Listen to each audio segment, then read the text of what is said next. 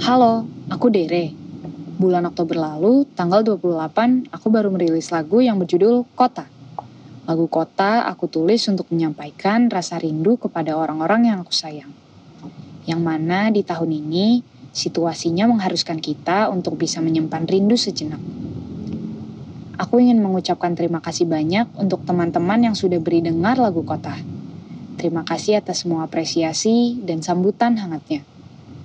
Semoga lagu ini bisa berkenan selalu ya teman-teman. Di tahun depan, semoga semuanya bisa cepat pulih. Semoga aku juga berkesempatan untuk bisa menyanyikan lagu kota sambil lihat wajah teman-teman secara langsung. Sekali lagi terima kasih banyak ya teman-teman. Selamat menikmati akhir tahun. Sampai ketemu di 2021.